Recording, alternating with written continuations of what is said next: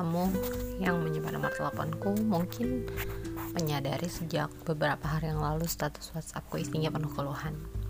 Biasalah, kalap dengan tugas yang luar biasa yang cukup menguras emosi dan energi tentunya. Tapi pada akhirnya semua kembali menjadi sebuah autokritik yang perlu aku ungkapkan supaya orang tidak banyak salah paham dan berasumsi macam-macam. Jadi selamat menyimak.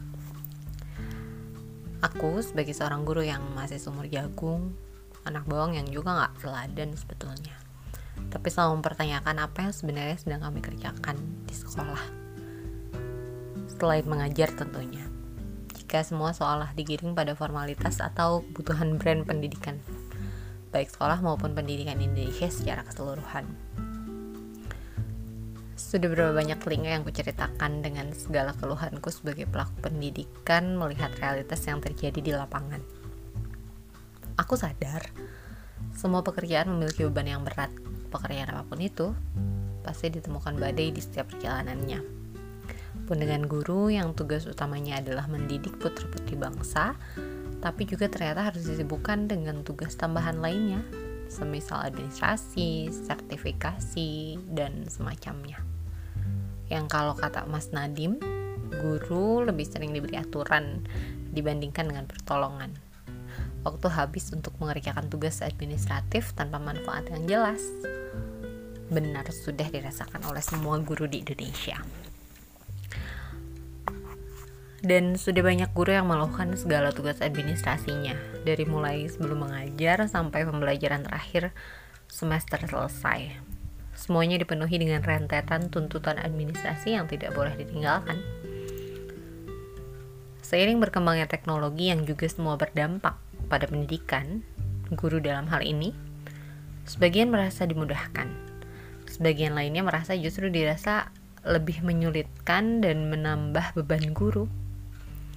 Di akhir pembelajaran, guru-guru disibukkan dengan tugasnya yang harus membuat laporan hasil belajar siswa yang kita kenal dengan rapot dengan banyak macamnya. Dari mulai rapot kurtilas yang berlembar-lembar banyaknya serta rapot diknas.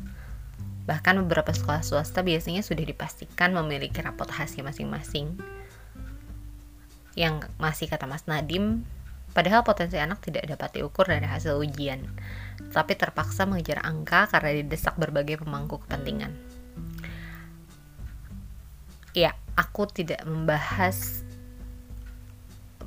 segala hal yang sifatnya lebih manipulatif.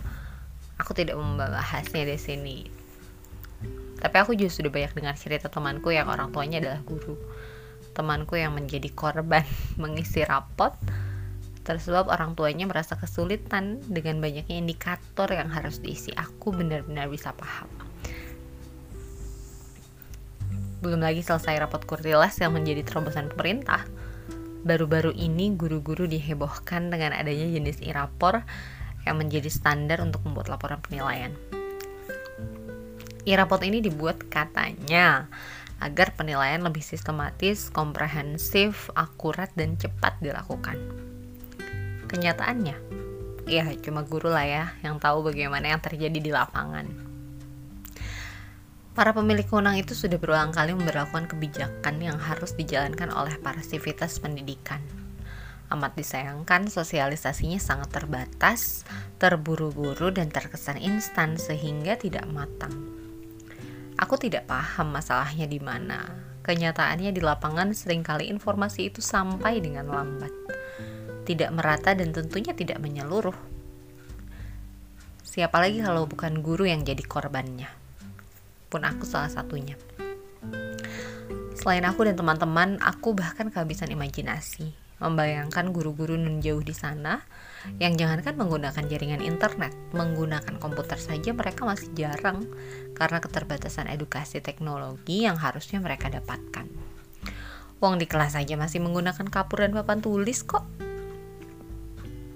Aku juga jadi berpikir, sebenarnya digitalisasi ini untuk siapa? Untuk manusia-manusia yang katanya modern iya hmm, dilema pasti. Manusia modern dan pemerintah merasa tertuntut untuk beradaptasi dengan pesatnya kemajuan teknologi. Tapi apa kabar manusia-manusia yang tidak terakses teknologi nun jauh di sana?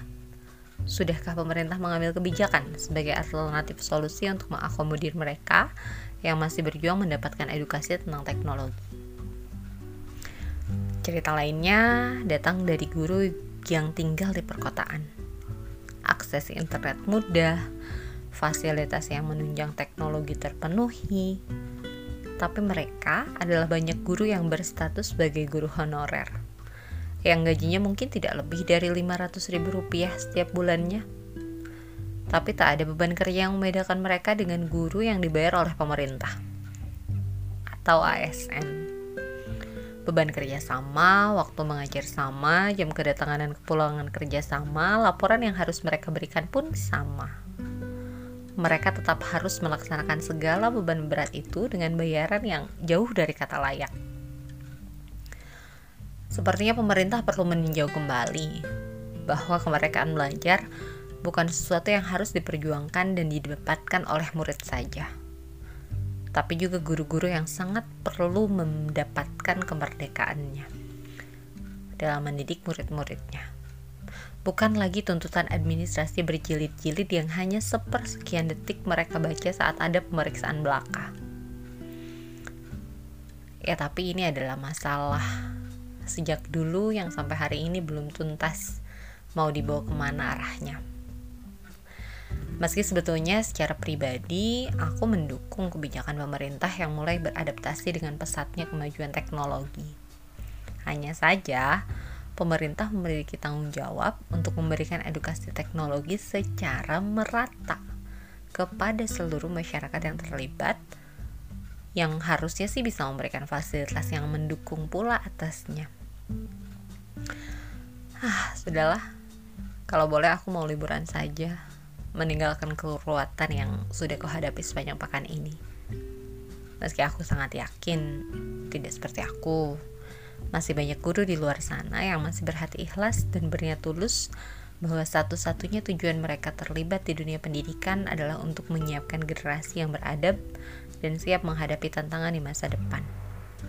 Semoga mereka tetap ada dan semakin kuat juga bertambah anggotanya.